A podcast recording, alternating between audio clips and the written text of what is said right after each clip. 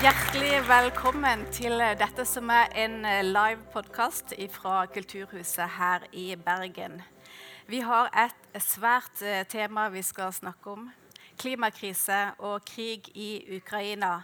Hvordan avrunde Norge oljealderen med stil. Mitt navn er Kirsten Øystese. Jeg kommer fra Norsk Klimastiftelse og Energi og Klima. Og jeg har med meg hele seks gjester. Det er rekord for min del i podkast. Og for å på en måte gi de som hører dette som lydversjon i etterkant, en sjanse til å følge med, så skal jeg være så frekk å ikke presentere gjestene, men be de gjøre det sjøl. Så kanskje det er en sjanse å koble navn med stemme og dialekt. Vi tar en kjapp runde. Jeg begynner med Kristin. Vær så god. Ja, hei, jeg heter Kristin Halvorsen. Jeg er direktør på CICERO, som er Senter for internasjonal eh, klimapolitikk. Anders Bjartnes, redaktør i Energi og klima. Ann-Katrin Våge. Eh, jeg er da fagsjef for klimapolitikk i Norsk olje og gass, som er bransjeforeningen for de som har aktivitet på norsk sokkel og leverandørindustrien. Knut Einar Rosendal, jeg er professor i samfunnsøkonomi ved Handelshøyskolen på NMBU i Ås. Ja, mitt navn er Linda Nøsbergen. Jeg er forskningsdirektør i SSB. Og jeg heter Erna Solberg og har vært statsminister og er partileder i Høyre. Og kommer fra Bergen. Hun kommer herfra, ja. Bra. Vi har kort tid og stort tema, så vi går rett på. Norge er et oljeland. Vi har tjent og vi tjener vanvittig mye penger på olje og gass. Og vi har forvaltet rikdommen klokt. Inntektene kommer fellesskapet til gode, både vi som lever her i dag, og generasjonene som kommer etter oss. Men vi kommer til å produsere olje og gass, eh, olje og gass lenge, men ikke for alltid. Gullalderen den er bak oss. Og spørsmålet er da hvordan avrunder vi oljealderen med stil? Hvordan avrunder vi oljealderen på en måte som fortsatt er til det beste for fellesskapet? Og hvordan forholder vi oss til at verden allerede har funnet mer fossil energi enn vi kan produsere innenfor målene i Parisavtalen. Og så skal vi komme innom hvordan skal vi bygge nye grønne næringer. Kommer det virkelig til å skje på skuldrene av det vi lever av i dag? Eller står petroleumssektoren snarere i veien for det grønne skiftet? Dette skal vi komme inn på, men vi må begynne med energisikkerhet og det alvoret som preger verden. Russland sin eh, brutale krig i Ukraina har tatt mange uskyldige liv og ført til store lidelser og flyktningstrømmer. Og krigen er først og fremst en humanitær katastrofe. Men så har krigen også satt energisikkerhet, ikke minst i Europa, under press. Og Vi ser nå at EU ønsker å gjøre unionen uavhengig av russisk gass. Og på kort sikt nå så ser vi det handler om å bruke mer kull, mer atomkraft og mer gass fra andre land. På lengre sikt så er svaret raskere utbygging av fordybar energi. Og EU sin veivalg det de gjør nå, det har store konsekvenser også for Norge. Og Da ønsker jeg å høre med dere om Norge kan, altså hva Norge kan og bør gjøre for å hjelpe EU. Bør vi nå raskt leite etter mer gass, bygge ut mer for å hjelpe å skvise ut gass fra Russland? Eller må vi forberede oss på at nå kommer gassen og etterspørselen til å falle raskere enn det vi trodde før? Eh, Ann-Katrin Våge har bedt deg om å ta med en tall bare for å fortelle hva er mulig å få til. Altså, i dag er norsk gassproduksjon omtrent på, på måte, det vi får til. Eh, vi mangler litt fordi at eh, Hammerfest LNG ikke er i, i, drift nå. Men kan du si litt om hva er mulig å produsere og øke produksjonen med i sånn kort perspektiv, og hva er mulig med litt lengre horisont? Ja, det kan jeg gjøre. Eh, som du sa, nå kommer jo gassproduksjonen til å øke noe framover. For halvannet år siden så hadde vi en brann på Melkøya. Der hvor vi tar gassen fra Snøhvit, og så kjøler vi den ned og gjør den flytende. Og så skiper vi den ut som flytende naturgass, altså LNG. Um, nå har vi hatt en stor jobb med å, å, få orden på anlegget igjen, og nå er vi klar for oppstart i mai. Uh, og da vil da gassproduksjonen i Norge øke med en 5 Eh, og, og, det er klart det vil jo bidra. I tillegg så Alle operatørene på norsk sokkel de sitter jo nå og tenker hvordan kan vi skru opp kranene mer? Er det noe som helst vi kan gjøre for å produsere mer gass? Det er, det er begrensninger. Det er begrensninger i, i, rør, og det er begrensninger i, i, i, forhold til de fysiske forholdene. Men det er klart de vurderer det. Så noe vil nå gassproduksjonen øke, øke framover. Men, men i, i, forhold til det å erstatte russisk gass til EU, så er det forsvinnende lite. Eh, det, det, kan Norge bidra dessverre lite med. På litt sånn mellomlang og lang sikt så, så er jo da planen nå at hvis vi skal Framover så kommer vi til å øke produksjonen av gass noe på, på norsk sokkel. Liksom litt nå fram mot 2026. Og dermed så har vi en nedgang. Hvert år etter 2026 så er det en nedgang i produksjonen på norsk sokkel. Det er de planene som ligger der. Uh, og, og, det er klart um, i, i, forhold til EU og, og, det behovet der, så på kort sikt så må du jo da finne erstatning i gass fra andre markeder på lang sikt så skal jo ikke den russiske gassen erstattes med gass. Den skal jo erstattes med fornybar og lavutslippsløsninger. Så, så det er jo dit eh, EU skal på lang sikt. Og det er jo det også vi har planer for på norsk sokkel. At produksjonen skal gå ned fordi vi skal ha omstilling, og fornybar skal ta over. Mm. Jeg vil gjerne høre respons fra, fra resten av eh, panelet. Altså, er det er det noe vits å tenke at nå skal vi lete etter mer gass for å hjelpe EU? Kristin? Nei, jeg tror at det er veldig riktig det du beskriver som uh, scenario. For det første så uh, tar det jo lang tid fra man uh, liksom finner utvikler nye felt og du får den produksjonen inn i et marked. Og det er mye nå som kan tyde på at den boosten i forhold til fornybar omstillingen i EU Eh, den forsterkes av, eh, av eh, mindre leveranser fra Russland. Jeg tror vi skal lete etter litt mer gass på sokkelen. Fordi vi kommer til å trenge gassen også i en del av de andre store industri- og energiformene fremover. Men vi må sørge for at vi stiller tydelige krav, som at vi får til CCS-løsninger f.eks. Sånn at vi kan bruke det til hydrogen og til ammoniakk. Veldig mange av de store bildene som vi ser fremover nå, um, av hva vi skal leve av, hvilke, hvilke store investeringer vi skal uh, gjøre, og de nye tingene vi skal ha, krever jo mer energi. Um, og F.eks. hydrogenproduksjon i Europa kommer til å kreve veldig mye mer energi. Spørsmålet er klarer du den energifordelen bare på fornybar, og du må ha en stabilisator inne. Så jeg tror fortsatt at det skal være. Men det som er viktig, er at vi sørger for at vi da har prisingen så høy at vi sørger for at det er lønnsomt med CCS fremover og nye modeller. Da kan vi klare å brekke over.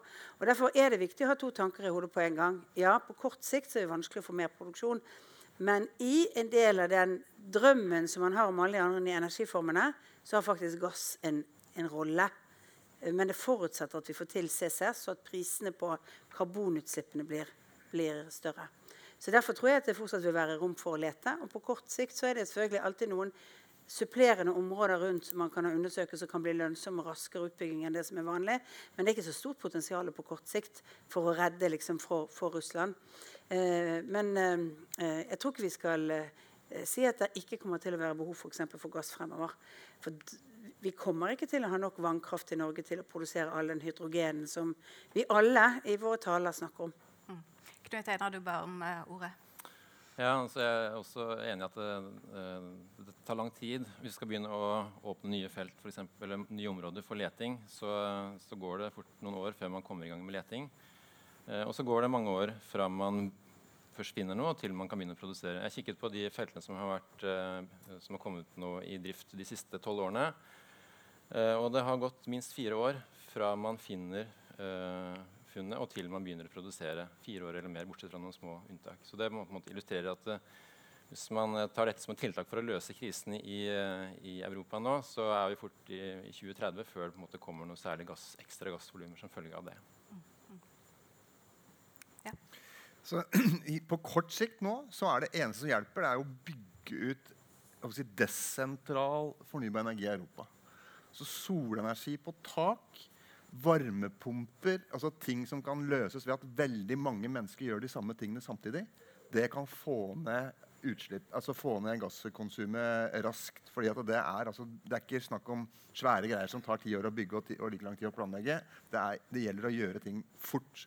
Og jeg tenker det, at Med de helt vanvittige inntektene vi har nå, så bør Norge hjelpe til mye mer i særlig de, øst, altså de EØS-landene som, som, altså EU-landene som ligger i øst, og som er mest avhengig av, av, av liksom, har liksom, infrastruktur fra Sovjetperioden, og hjelpe det der med å, å, å gjøre altså energieffektiviseringstiltak og bygge ut uh, solenergi nå.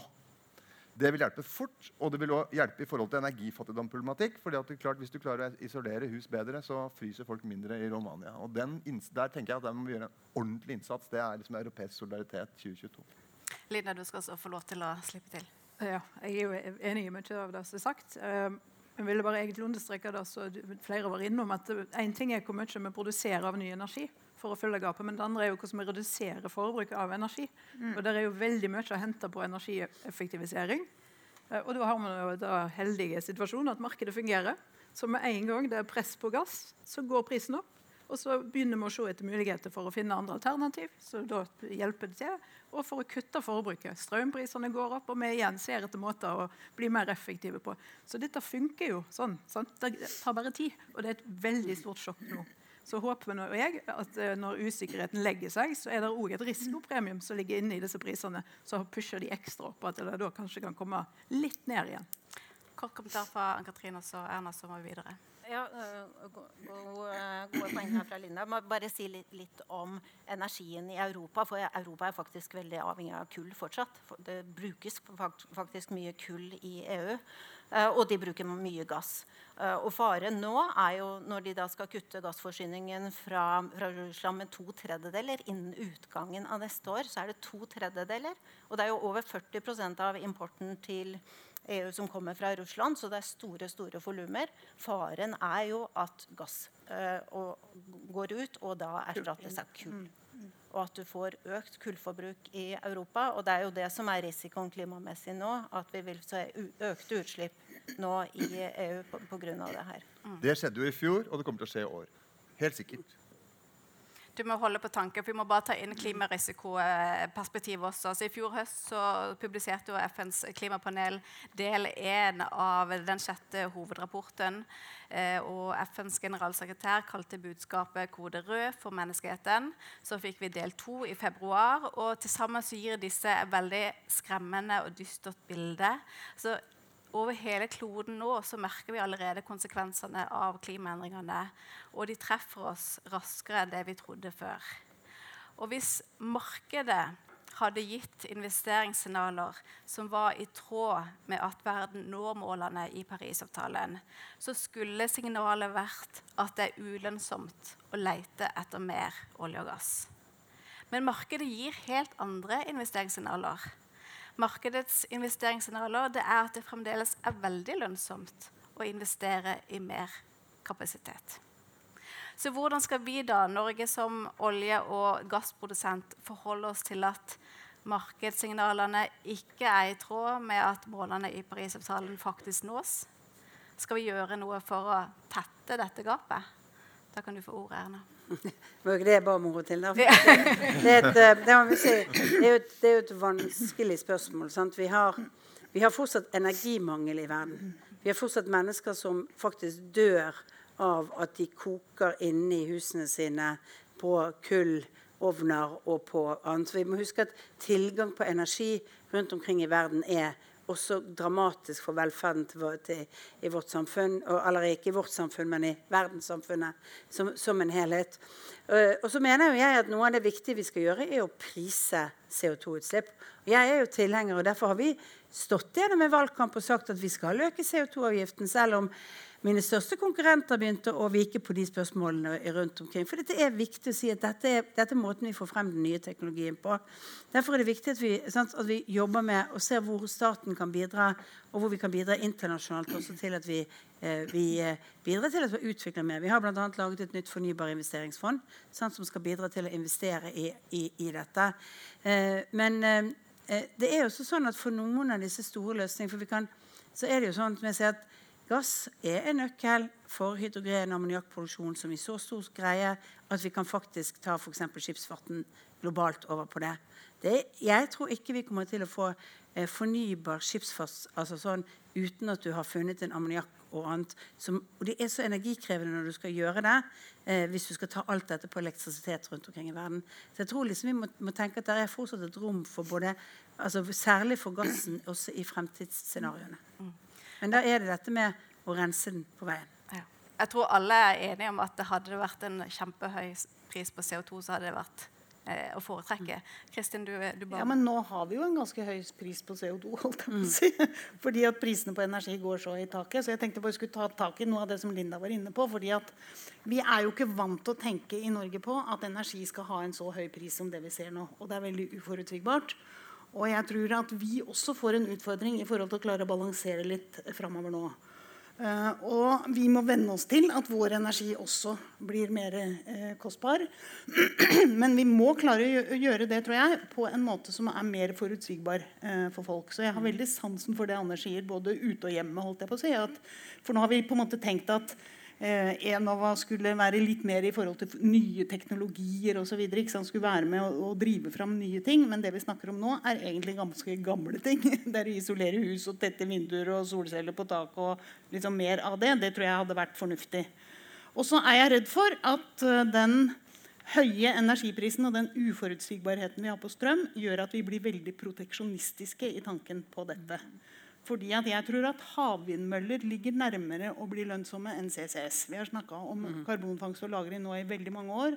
Teknologien fins der. Det er forretningsmodellen som ikke har vært der, fordi det er for billig å slippe ut CO2 fram til nå. Men vi har noen muligheter på havvind eh, som vi ikke kan realisere hvis ikke den strømmen kan gå flere veier enn til norsk sokkel og hjem. Og vi burde tenke at norsk vannkraft kan være med å stabilisere i forhold til det, store fornybarløftet som må skje i resten av Europa. Så jeg tror det er fornuftig nå nå prø jeg prøver å være, dette, har, dette er forskningsbasert. ikke sant? Jeg ser noen, jeg ser noen, noen CICERO-forskere i salen, så hvis jeg får et lite nikk? Hvis vi ser på den motstanden som har vært jo, Vi har forska på motstand mot vindmøller på land. Lokalsamfunnene får ingenting igjen. Det er gitt konsesjoner som ikke realiseres før ti år etter. De vindmøllene som bygges, er mye større enn det man trodde. Altså, vi må sørge for at vi får en forankring og en forståelse og en oppslutning om den fornybarsatsinga som vi skal få til, og den energisparinga vi skal ha. Så da eh, tror jeg at det er viktig at man faktisk bruker noen kroner nå på å sørge for at den strømprisen holder seg litt lav, så ikke vi ikke gjør noe gærent på struktur.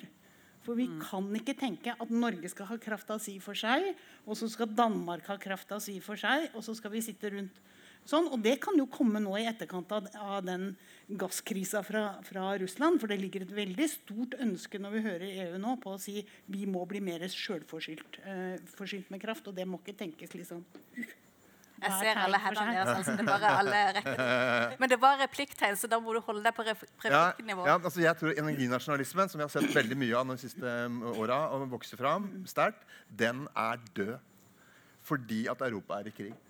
Og det betyr at vi må ta mye større ansvar for det som skjer i naboland. Det er jeg helt sikker på. Det er en helt annen resonansbånd å komme med sånn energinasjonalisme nå enn det hadde før den krigen var et faktum. Ja, jeg oss håpe det. Linda. Ja, nå er det jo fristende å begynne med en replikk, så jeg fikk ordet likevel. Men eh, bare for å understreke da poenget til Kristin. Vi har fant olje på slutten av 60-tallet. Vi er blitt fantastisk rike og har en fantastisk velferdsnivå i Norge pga. den olja og den gassen. Og hvorfor? Fordi vi gikk til utlandet og solgte den. Hadde ikke vært noe ting å hente på den hvis vi skulle sittet her og kjørt bilene våre med store motorer og gode utslipp. Sant? Det er utlandet og eksporten som har gjort det. Som har gjort at vi kan gå ut og kjøpe ting og er blitt rike. Sant? Det er det som er, er mulighetsområdet vårt. Det er akkurat det samme med strøm. Og så biter det når det, vi må betale mer sjøl. Nett som det biter nå når vi går og fyller bensin på pumpene. Sant? Men vi må klare å ha to tanker i hodet på en gang. Så vi må nyte godt av det. Så må vi lage si, størst mulig kake for Norge, størst mulig kake for verden, og så får vi finne ut hvordan vi deler det. For den fordelinga må vi treffe på. Helst så blir det bare eh, protester. Sant? Det er litt det du var inne på. Så vil jeg bare slå et slag for markedet. Som en samfunnsøkonom og forskningsbasert så er markedet meget bra mekanisme til å allokere ressurser. Men er det et problem, sånn som her med klima, da funker ikke markedet. Da må vi fikse markedet og hjelpe markedet å virke.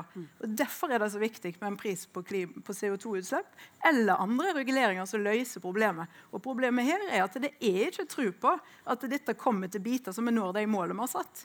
Og Da kan det være noe å tjene på å gamble på det. Og da må de som sitter her og er politikere, være enda tydeligere på at det skal, det skal være sånn. Det er ikke noe vei utenom. Uh, og så tror jeg på markedet. Så kommer vi der. Er Katrine så nær Bare kast meg på det, Linda. Veldig bra. For vi må satse.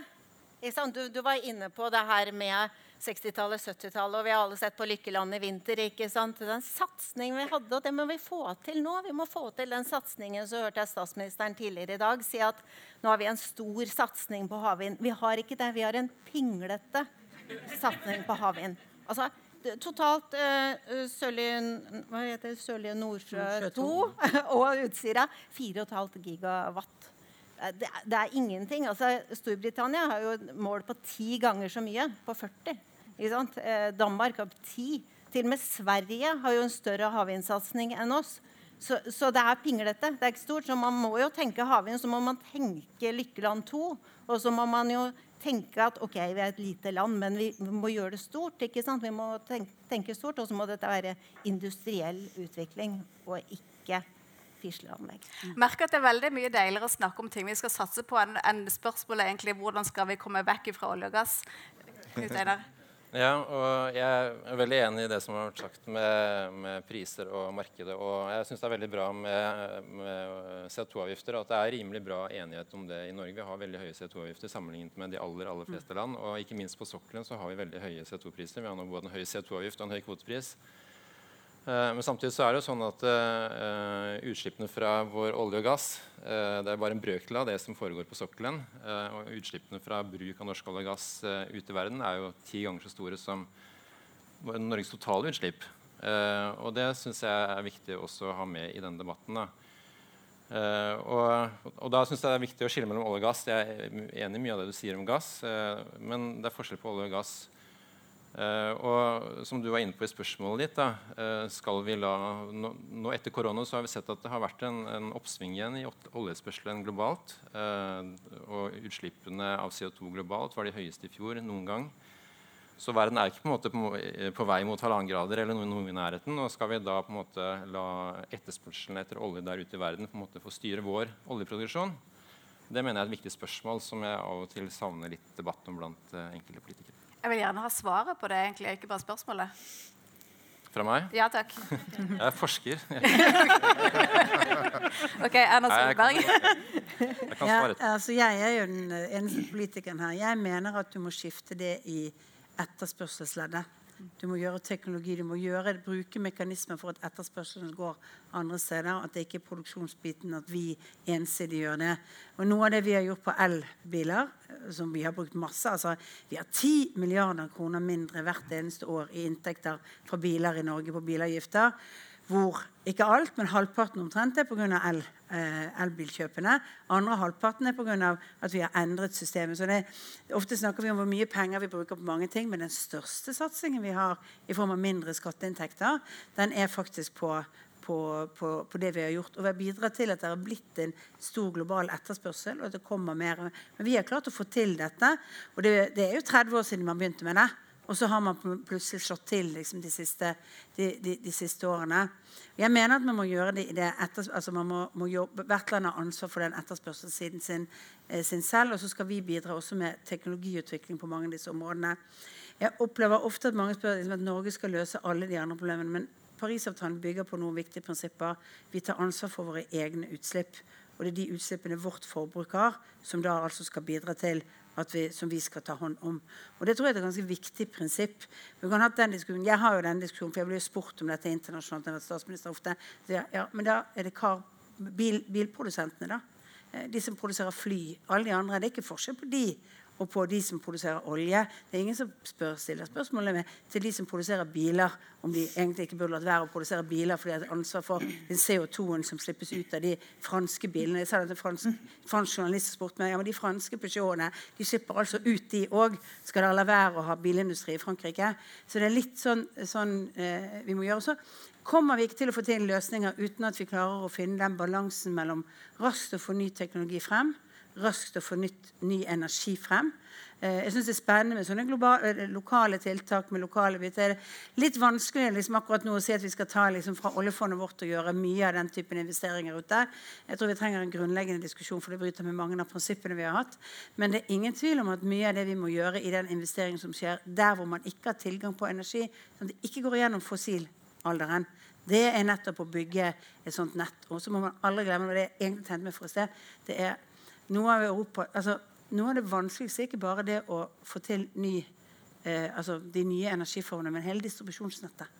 Og hele distribusjonsnettet i Europa er basert på, på gass i mange steder. Det er enorme investeringer hvis man skal klare å frigjøre seg fra det på kort sikt. Ja, ne, altså, jeg er enig. Klimapolitikk må i hovedsak angripe etterspørselssida. Det er det ikke noe tvil om. Det er jeg enig i. helt riktig. Men så er det en sånn klimarisikodimensjon som kommer inn. og en, altså, Hvor er det vi legger de store penga hen? ikke sant? Legger vi de store penga nå i sånn som Wisting-feltet, som det er snakk om å bygge opp ute i Barentshavet, eller legger vi de store penga i havvind? Det er en, en, diskusjon som vi må ta. altså vi, Bruker vi ressursene på det fornybare eller på det fossile? Og så er det ett poeng til, og det med, med, med, med bruk av altså, den, Det som skjer nå, da, med de vanvittige prisene på olje og gass, så fosser jo penga i Norge. Altså, nå tjener vi 5 milliarder kroner om dagen. Det er så mye penger som, som, nå kommer inn. Og det er en vanvittig stor overføring av verdi fra, fra forbruker til produsent som, er, som skjer når, det, når, prisene er så høye. Og, og det, jeg, ha, det gir Norge et særskilt ansvar. Og nå ser jeg til og med lederen i Dagens Næringsliv er enig i det. Ja. og jeg så Hildegunn Blindheim var enig i det vi, vi, må tørre å bruke noe mer ressurser på å hjelpe etterspørselssida til å endre seg raskere enn den gjør uh, eh, PT. Kristin, Hva er det som skal avgjøre hvor lenge Norge skal fortsette å leite etter mer ressurser? Det jeg syns kanskje vi glemmer litt av synet her nå, det er at vi, vi skal til netto null i 2050. Mm. Uh, og en del sektorer kommer ikke til å klare å komme til null, f.eks. jordbrukssektoren. Det er ganske vanskelig å tenke seg at vi skal klare å produsere mat til så mange mennesker som trenger det, uten noe utslipp. Uh, og vi uh, ønsker at Parisavtalen skal lykkes. Da må all politikken vår innrettes på at den lykkes. Uh, også olje- og gasspolitikken og rammebetingelsene rundt den. Uh, nå har jeg sittet i en liten ekspertgruppe som ga råd til regjeringen Solberg om um, oljefondet og klimapolitikk. Og Der sa vi veldig sånn tydelig at vi er Oljefondet er tjent med en styrt, en styrt omstilling til lavutslippssamfunnet. Forutsigbart og styrt, sånn at mm. penga går smått og senn og forsiktig, ikke store skift. Og det samme er vi tjent med på norsk sokkel. Så det vi, det vi, må, og som var veldig beklagelig under, korona, under koronakrisen, at vi fikk denne skattesubsidiene av, av oljeinvesteringer, som gjorde at, at, prosjekter som ikke var lønnsomme før skatt, blei lønnsomme etter skatt. Nå har dere gjort noen endringer, eller dere foreslo noen endringer på det før dere ga dere. Jeg skal ikke kjefte mest på deg heller, for der skjedde det et eller annet sånn hysteria i Stortinget som var veldig beklagelig. Men sånt må vi ha helt slutt på. Vi må ha et skattesystem som gjør at ingen prosjekter blir lønnsomme etter skatt hvis ikke de er lønnsomme før skatt. Mm. Og så bør man jo være, tenke klimarisiko. Vi står i fare for å investere i nye prosjekter som, hvis vi lykkes med klimapolitikken, ikke er lønnsomme.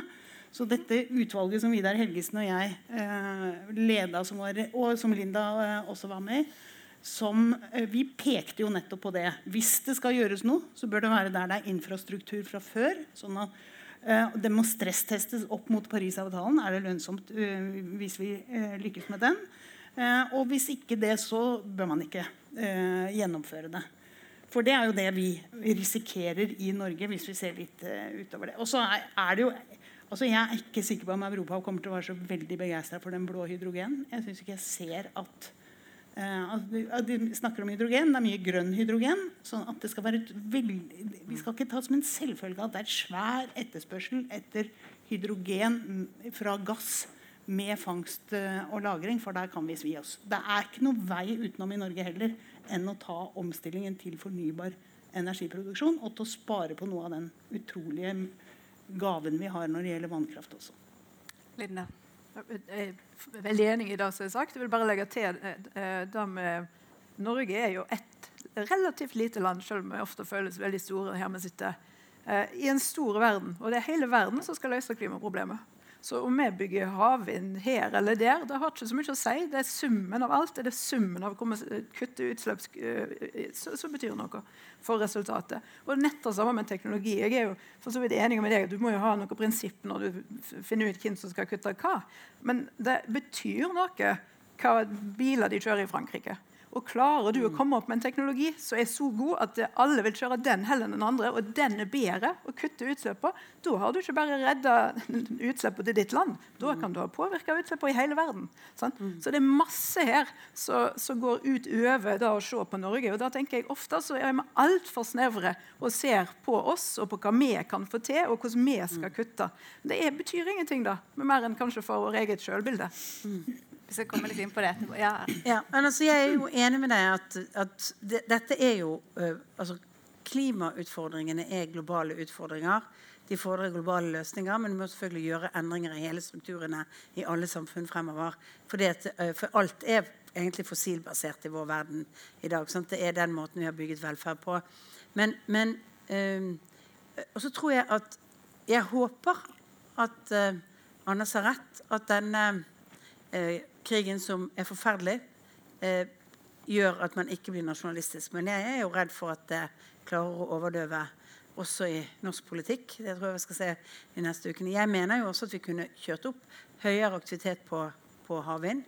Eh, flytende havvind er jo krevende, for det kommer til vi må finne måter å subsidiere og finne teknologier og måter å få dette eh, opp i enda større skala. Men på det som er bunnfast, så er det egentlig lønnsomt å gjøre det. Og det er jo ingen grunn, bruke, grunn til at vi skal bruke masse penger på å subsidiere det fordi vi ikke skal selge det til Europa. Det er jo egentlig eh, eh, energi som produseres på et nivå som i normale år ville være for høyt til at det egentlig skulle forbrukes i, i, Norge. Sant? Hvis du hadde gått tre år tilbake og diskutert dette, så hadde vi egentlig sagt det skulle bare gått kabler til Europa, fordi det var der de var villige til å betale så mye for det. Men, eh, men, men det kortsiktige perspektivet og kommunikasjon blir veldig, veldig dominerende for øyeblikket. og Derfor mener jeg at det er viktig at vi har, holder fast på noen sånne prinsipper fremover. Prisingen av CO2. Sørge for at det, eh, prisen er mye høyere nå enn den er, men vi må vite bare si at banen kommer til å ligge i bunnen. Den kommer til å være der, sånn at eh, alle som skal gjøre investeringer fremover, investerer på basis av at det kommer til å bli mye dyrere med utslippene fremover. Så trenger vi også en global løsning på å få pris i flere land, helst i alle land i verden, på CO2. Fortsatt subsidieres altså eh, eh, energi i mange land. Ja. Jeg kunne bare kort ønske meg å tenke den, en liten kommentar for det Kristin sa på, på blå hydrogen. Hvordan ses det ut fra dere i Norsk olje og gass? Uh, takk for det. Nei, jeg er enig. Det er kanskje ikke hydrogen som er den eneste løsningen framover. Og det er kanskje ikke en stor løsning, men det er én løsning. Det er det. Og for enkelte sektorer så kan det være en viktig løsning. Og, og Norge er jo en unik posisjon. Altså, vi produserte hydrogen på Rjukan for 100 år siden. Vi kan hydrogen. Vi har naturgassen. Nå har vi jo snart et uh, CO2-lagringsanlegg, mye takket være Erna her. Så, takk for det.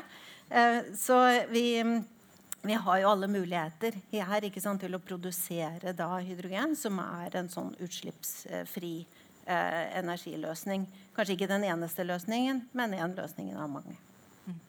Så det vi ser, Hvis vi leser den tyske Hurdalsplattformen og, og, og adder på det de har sagt nå om ytterligere satsing på fornybar energi, oppå det de sa for noen uker siden, så vil, vil vi se at det er en, en sånn vanvittig eh, ambisjon når det gjelder utbygging av solenergi, særlig også vindkraft. Og det kommer til å bety at energiprisene kommer til å variere mye. Det kommer til å få flere timer i året som går, altså strømprisen går nesten i null eller, eller i null.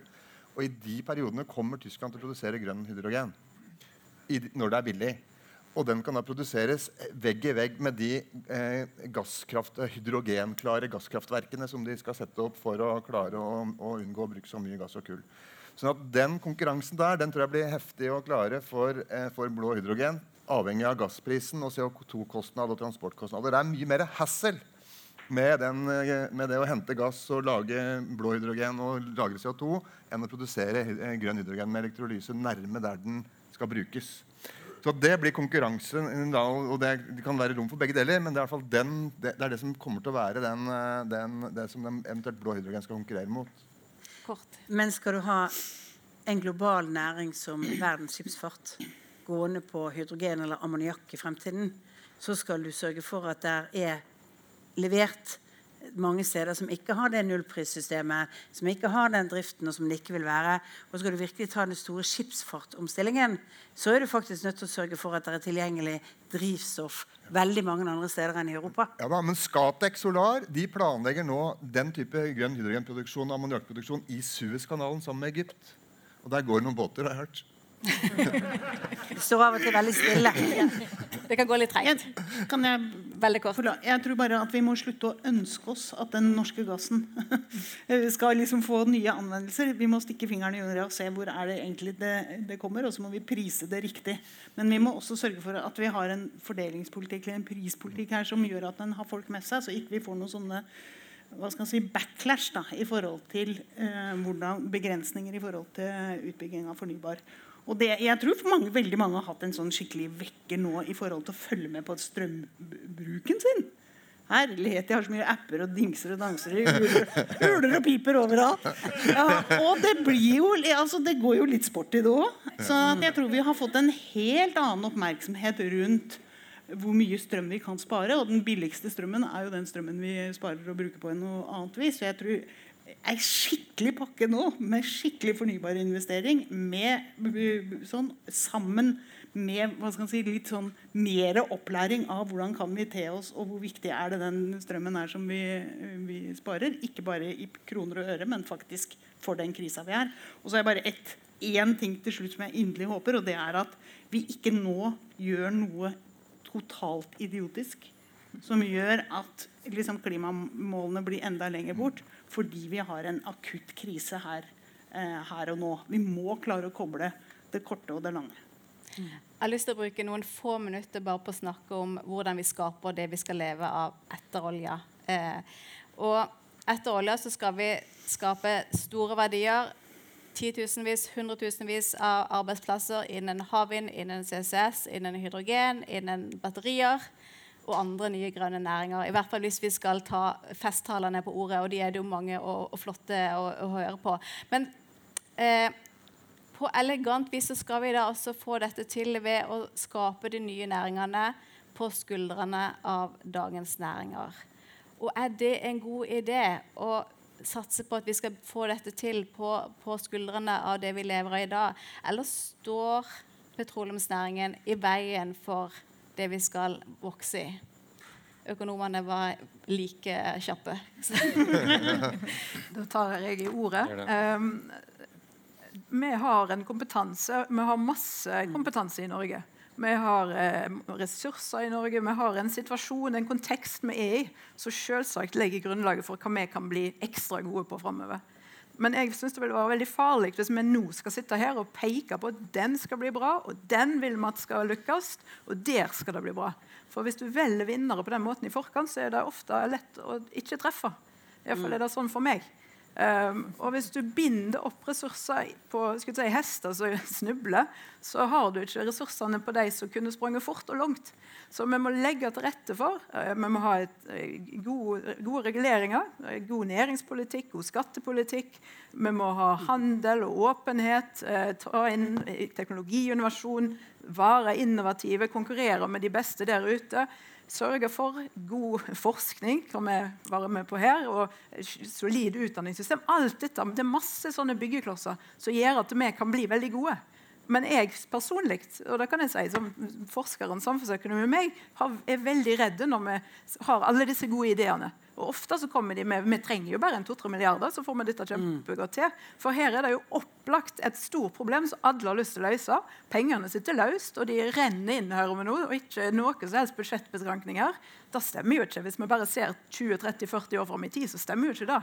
Vi må bruke ressursene våre effektivt. Og det er et stort problem. Og ofte så fokuserer vi bare på mulighetene. Nå kommer det et klimaproblem, og det er ikke et problem. Det er egentlig er sånn klimamulighet som legger til rette for alt mulig som skal skje her. Oljenasjonen Norge som skal bli fornybar. Sant? På 10-20-30 år. Det er jo klart at vi må få sak av noe. Det er jo klart Noen må slutte med det de gjør i dag, og begynne helt på nytt. Det er sikkert folk som kommer til å miste jobben, som må omskoleres. Det er masse her forsakelser. Og skal vi få alt dette til, så må vi bruke ressursene våre klokt. Da må vi bygge stein på stein, og ikke ta noen sånne snarveier eller tro at vi klarer å, med ønsketenkning å få det til. Mm. Det var mitt uh, forsiktige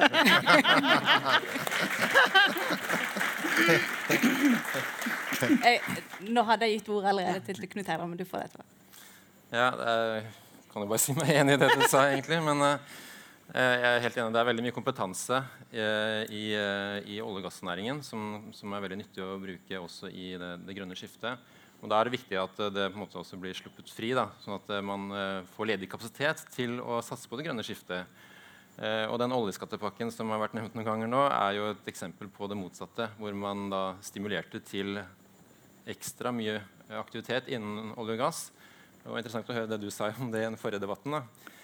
Eh, og har Oljenettstedet Upstream snakket i fjor om at nå er det bonanza på norsk sokkel. Og det er jo en, en rekke med, nye, med prosjekter nå som ligger i pipeline, og som kommer til storting eller regjering og, som, og, det har vært snakk om kostnadspress eh, i, i, næringen pga. at nå kommer alt på en gang. Eh, så det er viktig at man slipper til eh, og på en måte gir eh, rammevilkår, eh, virkemidler som er enig med deg, det bør være mest mulig nøytrale. Noen ganger kan man peke ut vinnere. Det tror jeg. Eh, det man har mest tro på når det gjelder potensial og kostnadsreduksjoner.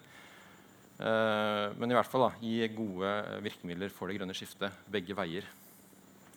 Ja det jeg sa i den forrige debatten, sa jeg også egentlig på Norsk olje og gass sitt møte før i dag. At jeg sa at det var en for sjenerøs ordning. De burde ikke fått så mye.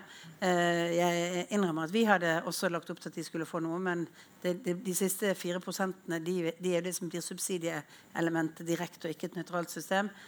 Eh, men det ble gjort under ekstrem usikkerhet. Eh, veldig hardt virkemiddelbruk overfor politikerne på Stortinget for å forby dette opp. Men, men jeg tror jo at vi skal leve av veldig mye forskjellig.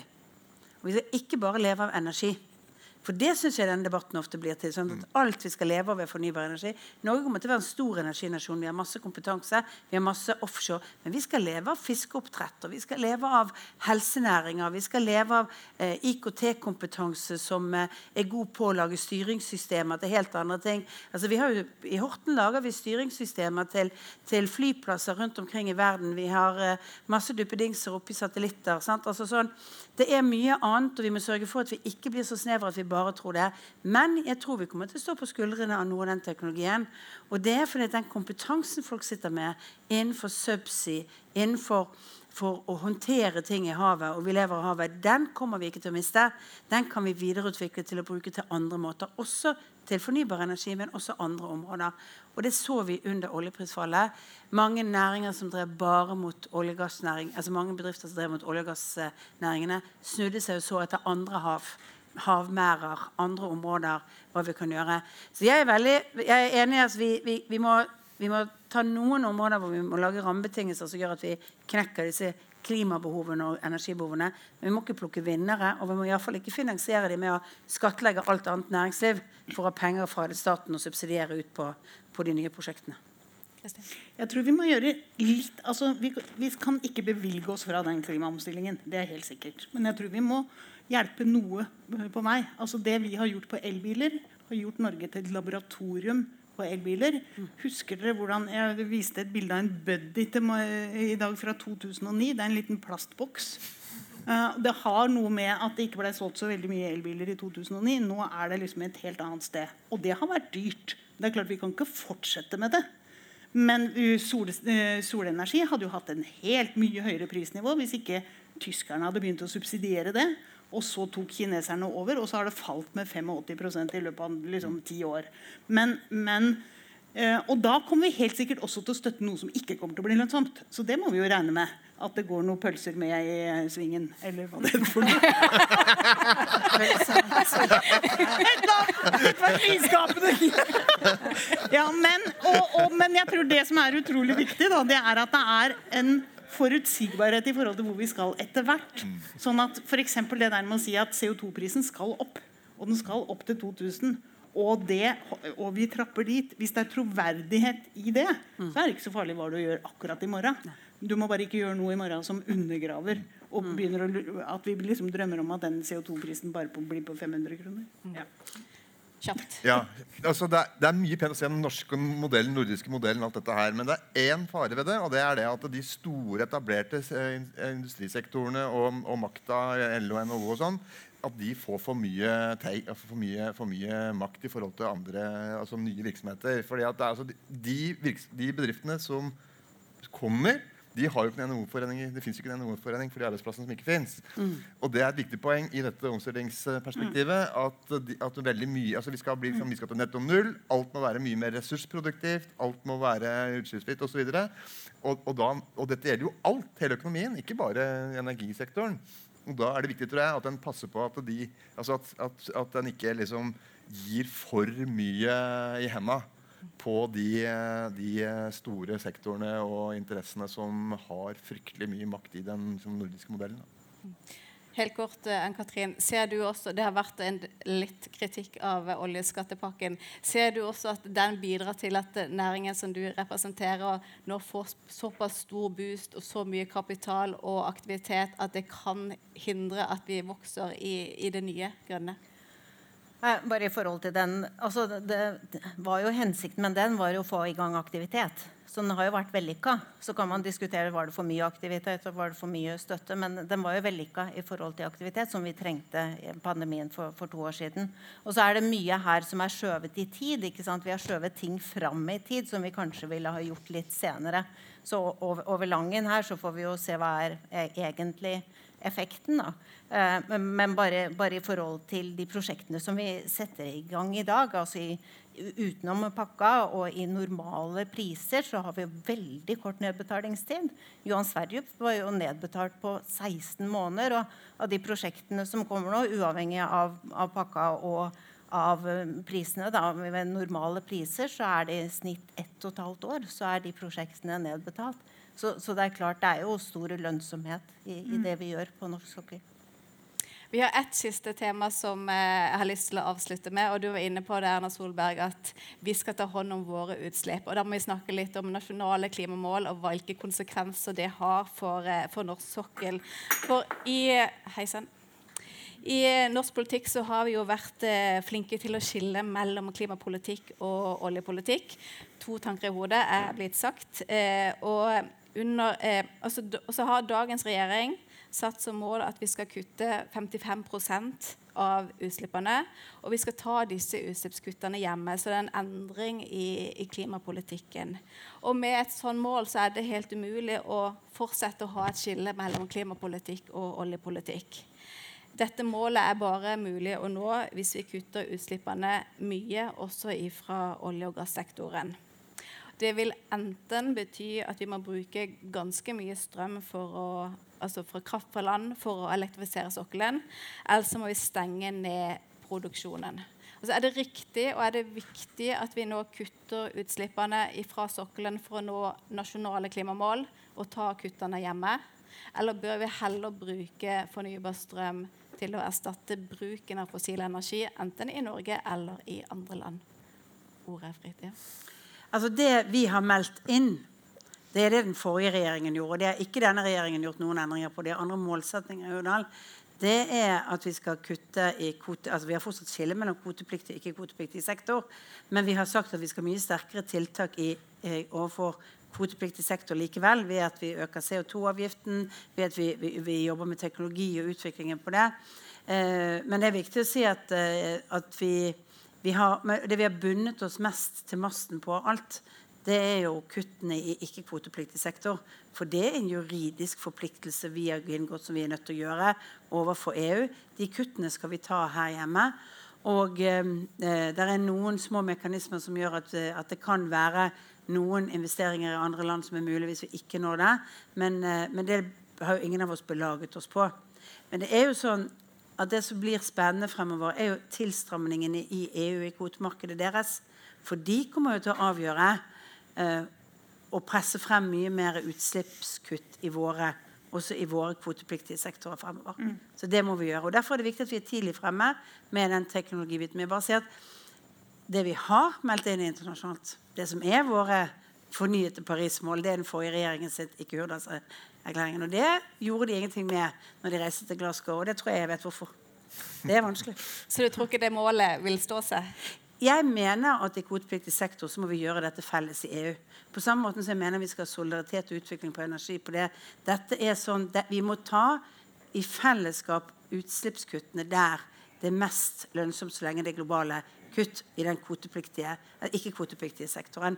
Og Det betyr at om det kuttet kommer i Bulgaria eller om det kommer på norsk sokkel, det er egentlig ikke, sier, betyr ingenting for, eh, for eh, klimaet for øvrig. Det betyr bare noe for norsk godhetsfølelse. Andre som har synspunkt på det, er det, er det lurt å kutte hjemme? Du hadde noe ja. Og jeg var det meg? Vær så god hvis Ja, du jeg ser ikke hvem du ser på, men unnskyld. Eh, jeg mener jo, jeg er enig med deg. Ikke-kvotepliktig sektor så må vi jo må vi jo ta og forplikte oss til å gjøre kutt hjemme. Men å bruke masse midler på å kutte i kvotepliktig sektor Sånn så Hvis vi bygger ut med å elektrifisere sokkel, så vi bruker da penger på å elektrifisere sokkel, og så i tillegg så da bruker de ikke kvotene sine, og så er det noen andre som slipper ut en annen plass. Jeg har jo litt vondt for å se logikken i det. Eh, altså kost-nytte-vurderinga der, om den går opp. Og jeg mener vel da kanskje at eh, hvis, hvis norsk oljevirksomhet da er lønnsomt, og med en rett CO2-pris, så er det bedre at vi tar det kuttet i utlandet for å få dette til å gå opp. Ann-Katrin, vil, eh, vil sokkel, norsk sokkel være mer konkurransedyktig om vi tar kuttene her hjemme? Ja, nå- er det jo sånn at Stortinget har jo bedt olje- og gassindustrien om å halvere sine utslipp i 2030. Eh, og det er jo en fjerdedel av Norges utslipp. Så skal Norge nå sine mål, som da står i Hurdalsplattformen, 55% i 2030, så må vi redusere på, på norsk sokkel. Eh, og vi, det som vi må gjøre da, er å elektrifisere. Vi, vi kan gjøre litt på energieffektivisering, vi kan gjøre litt på fakling, men det monner ikke. Vi når ikke 50% reduksjon bare med det. Vi er avhengig av eh, strøm fra land, og da erstatte den gassen som vi brenner, med fornybar strøm fra land. Det er den måten vi får ned utslippene på. Og, og det her er jo politiske vedtak som, som vi følger eh, opp, opp i bransjen. Og bare kommentar i forhold til Linda. Nå har jo EU også en mekanisme hvor hvis det blir for mye kvoter i markedet, så trekker de ut kvoter i markedet. Så det er her, når man reduserer eh, utslipp, så balanseres det i markedet, og så trekker man ut kvoter, og så får man også en effekt i Europa på det. Så, så det er, her har jo en, en mekanisme i seg for å unngå det her som Linda nevner. Eh, Jeg skal delta i en paneldebatt om elektrifisering i morgen, som jeg sparer litt uh, kruttet til da. Men eh, eh, jeg tenker at det er, eh, nå er det såpass høy CO2-pris på sokkelen at hvis selskapene finner at det er lønnsomt å elektrifisere, så mener jeg at da er det selvfølgelig fornuftig. Eh, hvis vi trenger ekstra støtte fra staten, da er jeg mer skeptisk. Bl.a. fordi at det, dette er ikke en type teknologiutvikling som jeg tror vil være veldig viktig i framtida og for andre land. Så da er det annerledes med en del andre teknologier som jeg snakket om. Når det gjelder hvordan det vil påvirke konkurransekraften for norsk sokkel, så tror jeg ikke det har mye å si. Fordi eh, utslippene fra produksjon utgjør tross alt veldig liten del eh, av de totale utslippene fra bruk av olje. Så med dagens eh, utslipp av CO2 fra et gjennomsnittlig felt i verden, så, så monner selv en høy CO2-avgift ganske lite da, i forhold til totalkostnadene ved å utvinne olje. Så jeg tror ikke det betyr så veldig mye. En siste kommentar fra deg, Kristin. Hvordan eh, ser du at det betyr noe å kutte utslippene fra norsk sokkel for hvordan norsk sokkel ser ut i 2030- og 2050-perspektiv? Jeg, jeg sitter nå og prøver å ikke bli for politisk. For jeg klør litt grann i fingrene. Men la meg prøve å være så Jeg tror vi får en ny diskusjon om elektrifisering av sokkelen. Jeg tror vi har oppdaga at den, den fornybare krafta vi har, er veldig verdifull. Og at vi har på en helt annen måte skjønt at det kan gå på bekostning av andre prioriterte eh, eh, områder. Og jeg tror at oljeselskapene får en utfordring på det. fordi at de hva skal jeg si, Norske oljeselskaper lever jo på å si at vår olje er renere enn all den andre olja. Og hvis vi ikke elektrifiserer sokkelen, så faller det argumentet bort. Det, dette er en av de veldig spennende diskusjonene, syns jeg, da, å følge med på, uh, på framover. Og vi får jo en energimelding før påske, er vel meldt, og vi får en klimamelding før påske. Og da er det jo også spørsmål om det kommer noen signaler der på at denne regjeringa ønsker å melde inn noe annet. Så vi står i veldig, veldig spennende tider. Altså, det kommer til å bli festival i Bergen. Ja. Tror sentral, to ganger i året altså, ny- etter dette. så får vi ny sentralbanksjef. Ja. Og jeg er helt sikker jeg vedder 100 kroner Kristin, på at han kommer til å ha oppfatning om dette her i sin første årstale. Jeg tror det kan koste på deg en tusenlapp. Vi har brukt opp tida. Vi, vi starta med å spørre hvordan avrunda Norge oljealderen med stil. og hadde ingen ambisjon om at vi skulle konkludere, men jeg syns vi har fått gode perspektiver på et eh, komplekst spørsmål. Så tusen takk skal dere ha, alle sammen.